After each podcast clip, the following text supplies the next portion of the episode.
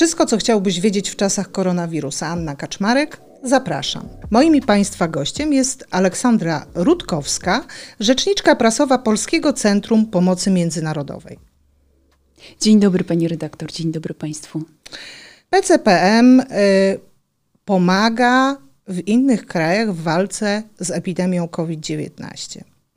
Właściwie y, w krajach, które są biedniejsze pewnie od Polski, głównie, a przynajmniej teraz z tego, co ostatnio słyszymy. Y, no ale mówi się, że właściwie to my też mamy przecież problem, tak? Y, to czy dlaczego tak robicie? Dlaczego pomagacie za granicą, a nie w Polsce? To jest bardzo dobre pytanie, bo ono pozwala nam e, powiedzieć szerzej, bo bardzo dużo rzeczywiście e, Państwo słyszą o tym, co robimy we Włoszech. To jest tak, że wszyscy na początku pandemii zwracaliśmy uwagę na to, co tam się działo. Mhm. E, Stany Zjednoczone jako przykład, północne Włochy podawały tak może być, czyli to była taka czarna plama e, na mapie świata, jeśli chodzi o, mm, o to, w jaki sposób ta pandemia wygląda i w jaki sposób wpływa na e, życie i zdrowie e, obywateli obywateli i obywatelek. Mm, więc e, o tym bardzo dużo Państwo słyszeli. My pewnie też o tym porozmawiamy, co robimy na świecie, ale tak naprawdę od początku pandemii mhm. cały czas pracujemy w Polsce. To, co jest istotne w ramach e, Polskiego Centrum Pomocy Międzynarodowej, które ja reprezentuję, działa medyczny zespół ratunkowy PCPM. To jest zespół szybkiego reagowania. To jest grupa mhm. wolontariuszy, ale ekspertów różnych medycznych specjalności, która w ciągu 48 godzin jest w stanie dotrzeć w dowolne miejsce na mapie świata. Jest w stanie nieść ratunkową pomoc, takich e, zespołów działających przy organizacji pozarządowej na całym świecie jest tylko siedem. Więc hmm. myślę, że to też jest e, mm, ważne, żeby to mm, odnotować i wspomnieć. I te namioty, które wykorzystujemy, które służą nam jako szpitale polowe, przekazaliśmy polskim szpitalom. To były te pierwsze działania, mm -hmm. które podjęliśmy, gdy ogłoszono pandemię, wybuch epidemii. To były to pierwsze działania. Kolejne, mhm. Mm, mamy magazyn, który musi być cały czas przygotowany na to, że w każdej chwili wyruszymy. Dzieliliśmy się więc sprzętem, który mamy. Mm, materiałami również, między innymi to był mm, szpital w Łańcucie. Tam pojawił się pierwszy śmiertelny e, przypadek w Polsce. Mhm. E, więc z tą pomocą również tam się zwróciliśmy. Kilka dni temu e, we współpracy z jednym dużym podmiotem, to była Fundacja City Foundation, przekazaliśmy 300 tysięcy złotych na pomoc polskim szpitalom. My mieliśmy rolę ekspercką w, tym, e, w tej materii. E, podmiotem finansującym był właśnie, e, był właśnie City i mogliśmy wykorzystać te nasze doświadczenia, które zbieramy tak naprawdę od początku roku, mhm. żeby jak najskuteczniej przygotować tę listę rzeczową potrzeb, która może pomóc lepiej funkcjonować szpitalom. Więc odpowiadając na Pani pytanie, pytanie, cały czas pracujemy w Polsce, pracujemy mhm. z całą intensywnością, cały nasz zespół e, uczestniczy i w ramach tego zespołu to jest ponad setka specjalistów. Większość z nich mhm. pracuje dziś w macierzystych e, placówkach medycznych w całej Polsce.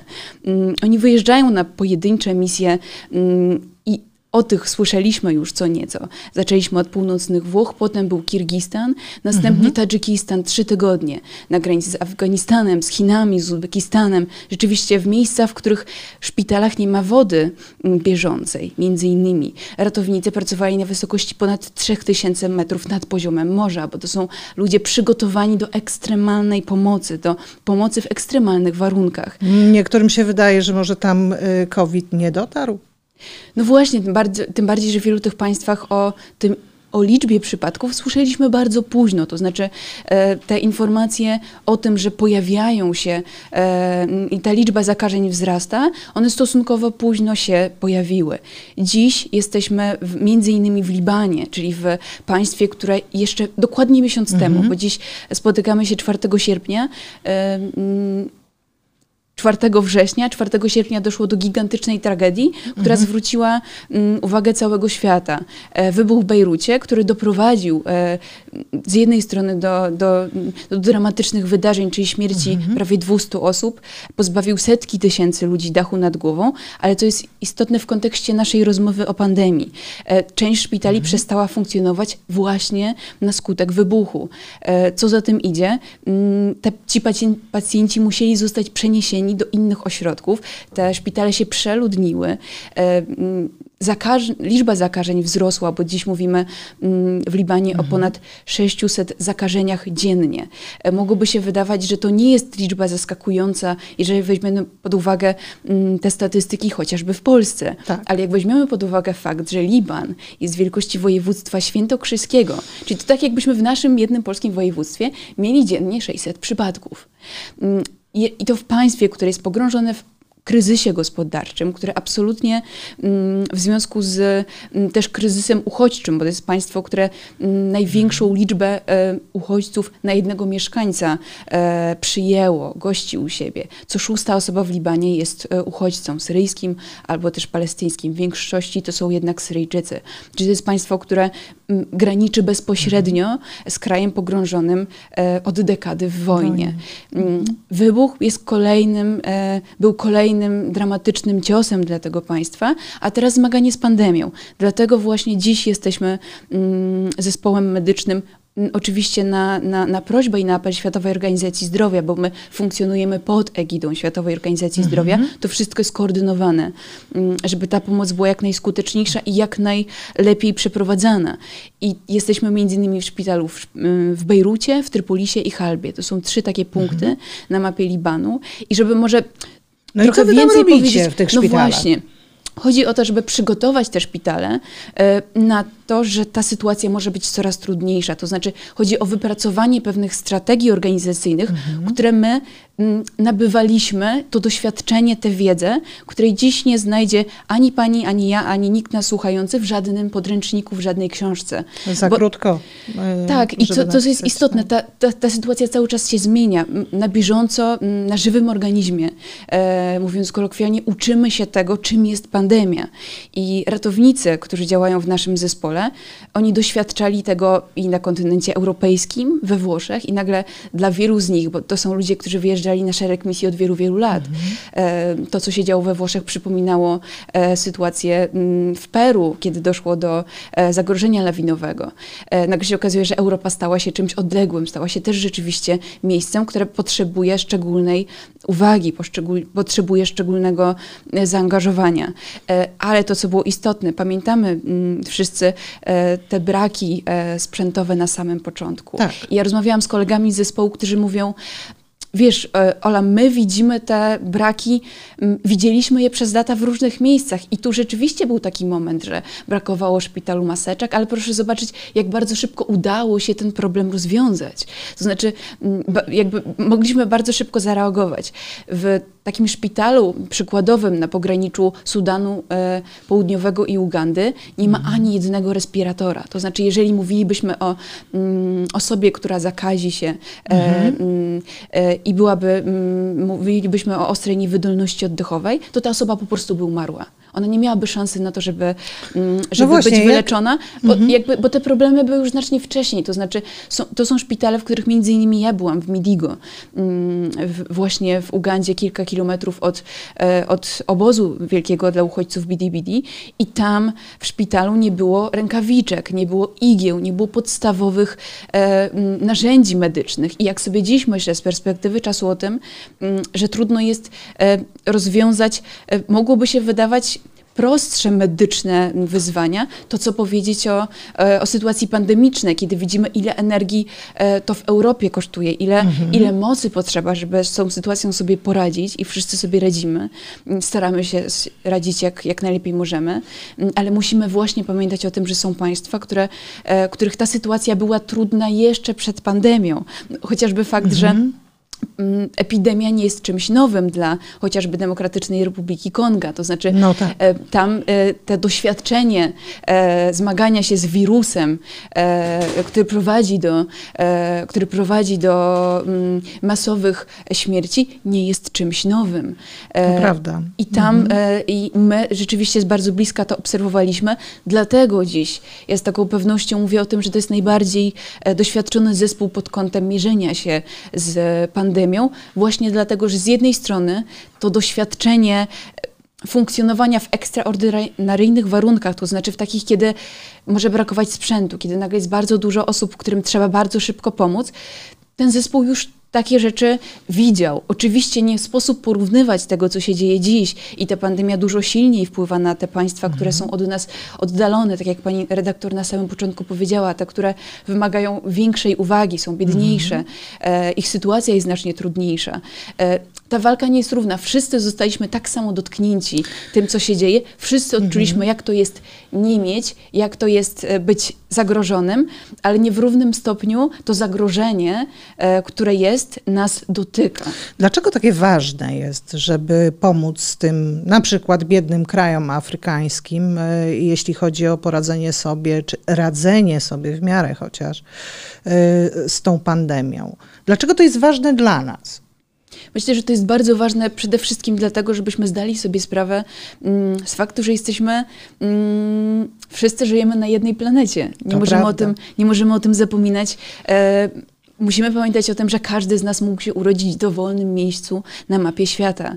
I to jest taka solidarność międzyludzka, myślę, że do której jesteśmy zobligowani, mhm. która, mm, tak jak my, będąc uchodźcami, e, otrzymywaliśmy pomoc na świecie, tak chciałoby się, żebyśmy dziś mogli się odwdzięczyć tym, że mamy więcej mhm. narzędzi i mamy możliwości na to, żeby tą wiedzą się dzielić, bo z jednej strony jesteśmy w stanie bardzo mm, intensywnie działać w kraju, w Polsce, robić wszystko, żeby zatroszczyć się o pacjentów, o pacjentki, które e, m, mm, potrzebują tej pomocy w obrębie mhm. naszego kraju, a jednocześnie nie zapominając o tym, że ta sytuacja w m, mm, krajach oddalonych o tysiące kilometrów jest znacznie trudniejsza. A pod względem epidemicznym, e, biorąc taki wymiar, e, biorąc pod uwagę taki wymiar ogólnoświatowy, powiedzmy sobie, jeśli byśmy zapomnieli o tej Afryce biednej, to y, jakie mogą być tego skutki?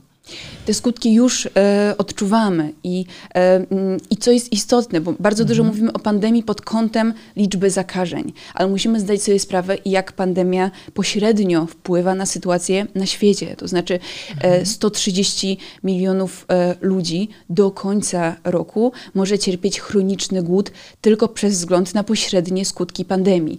Żeby powiedzieć to bardziej obrazowo mhm. i prosto, podam za przykład Etiopię, bo w tym państwie mhm. Funkcjonujemy. Byliśmy tam tuż przed wybuchem pandemii e, i to był mm, jedna ze szkół, w której e, mm, rozpoczynaliśmy akcję mm, wsparcia właśnie przed głodem. Mieliśmy przygotowaną akcję przygotowania posiłków e, dla e, szkół, dla uczniów e, etiopskich, mhm. bo to było jedyne miejsce, gdzie one mogą zjeść, bo ich rodzice nie byli w stanie tego wyżywienia im zapewnić. Mhm. Pandemia spowodowała, że no, świat się zamknął. To znaczy, że wprowadzono pewne ograniczenia, które utrudniają i w ramach państwa. W Etiopii na przykład rząd wprowadził stan wyjątkowy. Zamknięto wszystkie szkoły, czyli zamknięcie szkół dla takiego etiopskiego ucznia, to znaczy nie ma obiadu. E, do tego dochodzi jeszcze plaga pandemii, która, w, e, przepraszam, plaga szarańczy, która w tym roku e, dziennie jest w stanie pożerać tony pędów roślin, czyli odbiera im szansę na uprawia, uprawę ziemi. Z drugiej strony, jeżeli Etiopczycy nie mogą wykonywać żadnej pracy i bardzo dużo towarów jest eksportowanych, bo to jest państwo oparte, gospodarka tego państwa jest oparta na rolnictwie mhm. i na eksporcie towarów, czyli jak nie mogą tych towarów eksportować, Kwiaty też są takim etiopskim elementem. Bardzo dużo i dużo mniej Europejczycy kwiatów kupują. Dlatego, dlatego też e, mm, jakby mm, etiopski, e, etiopska gospodarka bardzo to odczuła. E, linia lotnicza Ethiopian Airlines wykorzystuje kilkanaście procent tylko możliwości przewozowych. To pokazuje, jak mm, że ci ludzie, ci obywatele chcąc podejmować działania, oni po prostu nie mają narzędzi. To nie jest tak, że oni czekają na pomoc, tylko po prostu e, nie ma narzędzi, żeby, to, żeby móc, to, mhm. móc to wykonywać. I właśnie, jeżeli patrzymy na liczbę zakażeń, to w porównaniu z innymi kontynentami wydawać by się mogło, że liczba, ta liczba przypadków wzrastających nie jest tak szokująca. No ale jak weźmiemy mhm. pod uwagę to, o czym rozmawiałyśmy chwilę temu, czyli te kruche systemy opieki medycznej, to że rzeczywiście, jeżeli tam nie dojdzie do... Tak, jeżeli dojdzie tam do... i tych ograniczeń nie będzie, to jest trochę taki wybór między... Mm, no, jednym, a, a, nie wiadomo, co jest gorsze tak naprawdę, bo z jednej strony ograniczenia powodują, że ci ludzie e, mhm. no, nie, będą, e, nie będą e, cierpieć, nie będą umierać przez pandemię, e, ale będą umierać przez brak jedzenia, przez brak e, możliwości na mhm. przeżycie. E, To jest najbardziej niepokojące. Dobrze, czyli tak, to jest, że tak powiem, atak z dwóch stron. Czyli z jednej strony na prawie nieistniejące lub niewydolne systemy opieki zdrowotnej, z drugiej strony na mm, gospodarki, które są y, kruche bardzo, prawda? I, a jak tak naprawdę, bo mniej więcej wiemy, jak w Polsce y, choruje się na COVID-19, czy jak wygląda sytuacja człowieka, który się zakaził. Y, opowieści czasami bywają dość szokujące. Mm, natomiast e, jak wygląda e, chorowanie w takim małym, biednym, afrykańskim kraju e, na COVID-19? Jak, jak to tam wygląda? Jak, czy to w ogóle da się porównać do tego, co jest u nas? Myślę, że jeśli chodzi o taki obraz tego, bo mhm. w tym mhm. momencie nasz zespół jest także na Madagaskarze, myślę, że jeżeli on wróci z Madagaskaru, teraz jest skupiony mhm. na, na pracy, będziemy mogli powiedzieć trochę więcej, e, bo tak naprawdę do tej pory pracowaliśmy w Europie, Azji, ta Afryka jest, mhm. jest nowym punktem i, e, i tu jest ważna dygresja, to nie jest ostatnie państwo tego kontynentu, już niebawem kolejne misje, o których jeszcze niewiele mogę ostatnie mówić. słowo. To nie jest ostatnie słowo, jeszcze kilka dużych misji przed nami, więc, e, więc warto zwracać uwagę na działania Medycznego Zespołu Ratunkowego PCPM, ale żeby odpowiedzieć na Pani pytanie, biorąc mhm. pod uwagę te przykłady, które są za nami, czyli żeby móc rzetelnie na to odpowiedzieć, to, to weźmy chociażby na warsztat e, sytuację w Libanie. Mm, no na przykład. Jak tam, to, jak tam to teraz wygląda, bo, bo o tym od, od kolegów ratowników już trochę słyszałam. Co jest istotne, mm, Mm, te szpitale są przepełnione, brakuje łóżek i taka osoba, mhm. która jest zakażona koronawirusem, najczęściej jest wypisywana do domu na kwarantannę. Czyli trafia na taki libański SOR, można powiedzieć, e, jakbyśmy mieli porównywać do tego, co mamy u nas. I tam lekarz Testuje? Nie testuje? Właśnie. Ale to jest istotne, no właśnie, w ciągu jednego dnia, jednego dyżuru, e, trzy pielęgniarki są na całym, jednym z szpitali w Bejrucie, mhm. trzy pielęgniarki muszą zrobić ponad 500 e, badań. E, muszą zbadać mhm. każdego, kto do nich się skieruje. To jest tak naprawdę potężna liczba. To jest 500 pacjentów na, na trzy osoby w ciągu jednego dnia i każdego dnia jest to samo. To nie jest jeden wyjątkowy dzień, kiedy myślimy sobie, mobilizujemy się, tylko po prostu z dnia na dzień ten zespół musi tak mhm. docierać. I co jest istotne, rodziny, które przechodzą z zakażonymi, no pamiętajmy o tym, że na Bliskim Wschodzie mhm. te, te, te struktury rodzinne są bardzo no tak. istotne, co jest ładne, co jest ważne, rodziny bardzo często mm, e, pomagają się zająć tym pacjentem, znaczy one go przenoszą, mm, e, pomagają. No tak, w różnym stanie są Tak, osoby, są oczywiście. w różnym stanie i jakby no nie ma innej możliwości. Chodzi o to, że, że trzeba e, jakby wspólnymi mhm. siłami robić wszystko, żeby tę sytuację polepszać. Sam fakt, że dotarcie i obecność naszego zespołu o 100% zwiększyła możliwości pomocowe tych szpitali. No Pokazuje, no dobrze, ale trudna jest wró- wróćmy do tego pacjenta. On mhm. przychodzi, przychodzi z objawami e, zakażenia tym naszym nowym koronawirusem. E, robiony jest mu test i wysyłany jest na kwarantannę, tak? Tak rozumiem. No i, i co dzieje się później? Powiedzmy, że test przychodzi e, pozytywny, choroba się rozwija. Nie mówimy tutaj o przypadkach lżejszych czy, czy nawet bezobjawowych, tylko o, o tych, które rzeczywiście wymagają pomocy medycznej. Dobrze, mamy pozytywny test. Co dzieje się dalej? To jest ważne pytanie. Myślę, że to bardziej z ratownikami zespołu mogłaby Pani na ten temat porozmawiać, bo to są, to są kulisy pracy, do których e, mm, my nie zaglądamy. To są kwestie mhm. medyczne, które, e, które pozostają. To jest kwestia dobra e, mhm. pacjenta. i. Ale tak systemowo. Mhm. Czy, czy ten człowiek, który ma powiedzmy średnie objawy choroby, czy on jest przyjmowany tam do szpitala, czy nadal, że tak powiem, choruje w domu? W którym momencie czy on w ogóle może liczyć na dalszą pomoc? Wie Pani, on może liczyć na pomoc, tylko pamiętajmy o tym, mhm. że mm, liczba e, łóżek, liczba miejsc na oddziale intensywnej terapii, bo tu mówimy o sytuacji, kiedy już no tak, jest trudnej. sytuacja trudna i wymaga mhm. e, medycznego wsparcia, jakby wysłanie na kwarantannę to jest e, mm, za mało, bo ta sytuacja zdrowotna się znacznie pogarsza. Mhm. To jest tak, że mamy określoną liczbę łóżek na oddziale intensywnej no tak. terapii. E, i być może, oby nie, mm, e, jeżeli ta liczba osób wymagających takiego, mhm. e, takiej opieki będzie z, się zwiększać, to znowu będziemy mówić o, o tych trudnych, dramatycznych decyzjach, e, o odłączeniu od respiratorów, bo nagle osób potrzebujących będzie więcej niż możliwości.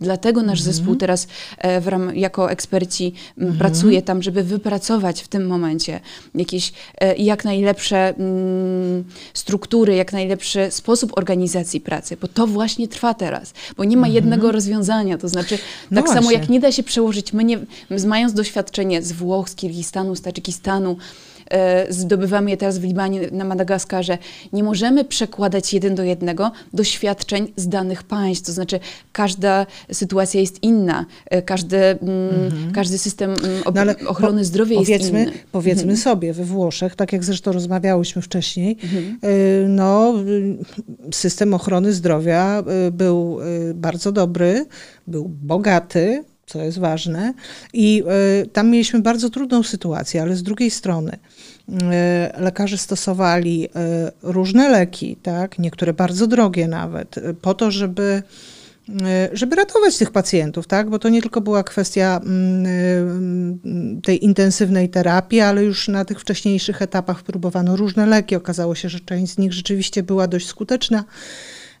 I no tutaj trudno przełożyć, no bo znowu jak wrócimy do państwa, które jest, e, które jest biedne, w którym system ochrony zdrowia e, nie ma e, rękawiczek, nie ma łóżek, nie ma sprzętu, no to tam, czy tam w ogóle się mówi o jakichś lekach? To znaczy, to jest, e, to jest bardzo trudne, e, trudne mhm. pytanie, bo jeśli chodzi o te formy leczenia, to, to oddajmy to medykom i ja e, no tak. o, o, tak. sposobie leczenia to już mówić wiele bym nie chciała, ale to, co słusznie pani zauważyła, to, co obserwowaliśmy przez lata, wyjeżdżając na misje medyczne, to mhm. był brak podstawowego sprzętu. Mhm. E, więc sposób e, leczenia e, tych pacjentów wymagających szczególnej, e, szczególnej opieki, ale nie tylko, mm, mhm. radzenia sobie też z podstawowymi e, medycznymi e, wyzwaniami e, w takich państwach świata jest, jest trudny. Dlatego liczymy, czy liczyliśmy, liczymy na to, mm, że mm, to, co jest to, co jedną dobrą rzeczą mhm. w pandemii, która jest e, mm, obiektywnie tym złym, e, złym e, mm, które mm, przyszło do, do, do, do, do planety Ziemia i wpłynęło tak naprawdę na rzeczywistość mm. i dotknęło wszystkich e, tak samo, ale nie w równym stopniu, że być może to jest dla nas jakaś taka duża lekcja, którą powinniśmy odrobić. To znaczy, że nagle zaczynamy widzieć, jak to jest nie móc, nie mieć. E, nagle zaczynamy obserwować to, mm, że mm, w krajach e, takich jak e, Uganda może nie być e, rękawiczek. My pamiętamy na samym początku, jakie to było uczucie. Być może to doświadczenie trudne, ciężkie, bolesne spowoduje, że jednak będziemy bardziej wrażliwi na te otoczenia, na tę rzeczywistość, tym bardziej, że pandemia potęguje problemy, które już były, one nie są nowe. Głód, mhm. e, brak dostępu do e, profesjonalnej opieki medycznej, e, różnej maści ograniczenia. Mhm. One tylko się potęgują, są tylko większym wyzwaniem. Więc chciałoby się mieć nadzieję, mm, że te złe doświadczenia mhm. e, mogą przynieść jakieś dobre refleksje. To znaczy, że rzeczywiście zaczniemy mm, przychylniejszym mm, okiem i, i, i, bardziej otwartym sercem patrzeć na to, e, jak dużo mamy do zrobienia. Jak patrzy Pani na, y, na to, co robią y, Pani koledzy, medycy, y, jak patrzy Pani na to, jak jest w innych krajach, jeśli chodzi o tą pandemię, biedniejszych szczególnie krajach, e, co Pani myśli, jak e, widzi Pani u nas w Polsce ludzi, którym przeszkadzają maseczki, mycie rąk, którzy nie chcą się stosować do takich zwykłych higienicznych obostrzeń? Co Pani wtedy myśli? Wie Pani, co jedna z moich e, koleżanek ratowniczek e, mm, wyznawała taki apel: wytrzymajmy, to się jeszcze nie skończyło. Mm. Jeden z moich kolegów mówił: To jest trochę tak, e, że mm, rezygnując z mm, takiego myślenia o pandemii jako zagrożeniu, stajemy się mm, zabójcami i samobójcami w jednym. To były, to były słowa, które powiedział tuż po misji e, w Lombardii, tuż po, tym, po tych obrazach, które widział z bardzo bliska, tych obrazach, które nas zaskoczyły na samym początku, przeraziły. To były te ciężarówki wyjeżdżające ofiar, e, których nie udało się ratować. To były pełne parkingi aut, których właścicieli już nie ma. To były rodziny, które nie mogą pożegnać swoich bliskich, nie mogą im powiedzieć do widzenia, tylko dowiadują się, że ta, mm, ta ich bliska osoba już nie żyje. To są obrazy, które nas na samym początku e, zatrzymały, przejęły. Teraz o tym zapomnieliśmy. Już kilka miesięcy temu mm, słyszałam od kolegów pracujących e, na różnych oddziałach o tym, że trochę funkcjonujemy w dwóch równoległych rzeczywistościach, że ta pandemia, mm, że ona jest czymś z ekranu, że my jej do końca nie widzimy, że ona się wydarzyła gdzieś bardzo, bardzo daleko i ona nas nie dotyka. Ona nas może dotknąć wtedy, kiedy zbliży się do najbliższego otoczenia. A tak długo, jak my jej osobiście nie dotkniemy, to od jakiegoś czasu traktujemy ją jako abstrakt, jako, jako science fiction, bo to, co się działo na, na początku e, mm, wiosny, to było dla nas science fiction, bo nikt nie wiedział, e, wszystkich dziwiło, wszyscy robili bardzo dużo zdjęć osób w kombinezonach, bo to się wydawało szokujące. Tak, wszyscy tak. przywoływali stare filmy science fiction, które nam przywodziły na myśl to, co się dzieje. Mm, teraz już nas to nie szokuje, to nie jest nic nowego. E, mhm. I z jednej strony nie można też E, z jednej strony mieć pretensji do, do, do ludzi, że starają się w tej trudnej sytuacji odnaleźć się. Odnaleźć i żyć. To jest tak, że to nie chodzi o to, żeby bać się własnego cienia, tylko żeby jednak myśleć cały czas, e, mieć z tyłu głowy, że nasze decyzje wpływają na najbliższe otoczenie. To nie jest kwestia naszego wyboru. To nie jest kwestia tylko naszego widzimisię. To, jak my się zachowujemy, wpływa na nasze bliskie otoczenie, wpływa na nasze rodziny, a przede wszystkim wpływa też na, mm, na tych bohaterów, którzy dziś i którzy od wielu miesięcy, którym byliśmy przecież brawo wszyscy, no, e, którzy oczywiście. Mm, na pierwszej linii walki z koronawirusem się znajdowali. Dziś tych braw chyba nie słyszymy. I to w ogóle nie chodzi o brawa, bo e, żaden z medyków nigdy tych e, braw nie potrzebował to kompletnie nie o to chodzi. Oczywiście one były pięknym e, mm, takim docenieniem, w sensie były mhm. motywatorem, mobilizatorem, takim poczuciem, że nie jesteśmy w tym sami, możemy na was liczyć, ale to absolutnie nie o to chodzi. To, co najlepsze możemy zrobić dla, e, dla medyków walczących czy w Polsce, czy na świecie, w dowolnym mhm. punkcie na mapie świata, to jest docenianie ich pracy, a najlepiej docenimy ich pracę, jeżeli będziemy mm, tej pracy im nie dokładać, czyli dbać o siebie, siebie, dbać o innych mm, i, i myśleć o, o tym mm, bezpieczeństwie, myśleć o, o jak najlepszym e, mm, zabezpieczaniu też się, nie rozprowadzaniu tego, co, co, co może skończyć się i oby się nie skończyło, e, tak jak skończyło się w północnych Włoszech. E, I myślę, że to jest bardzo dobre podsumowanie naszej rozmowy. Dziękuję pięknie. Przepięknie dziękuję.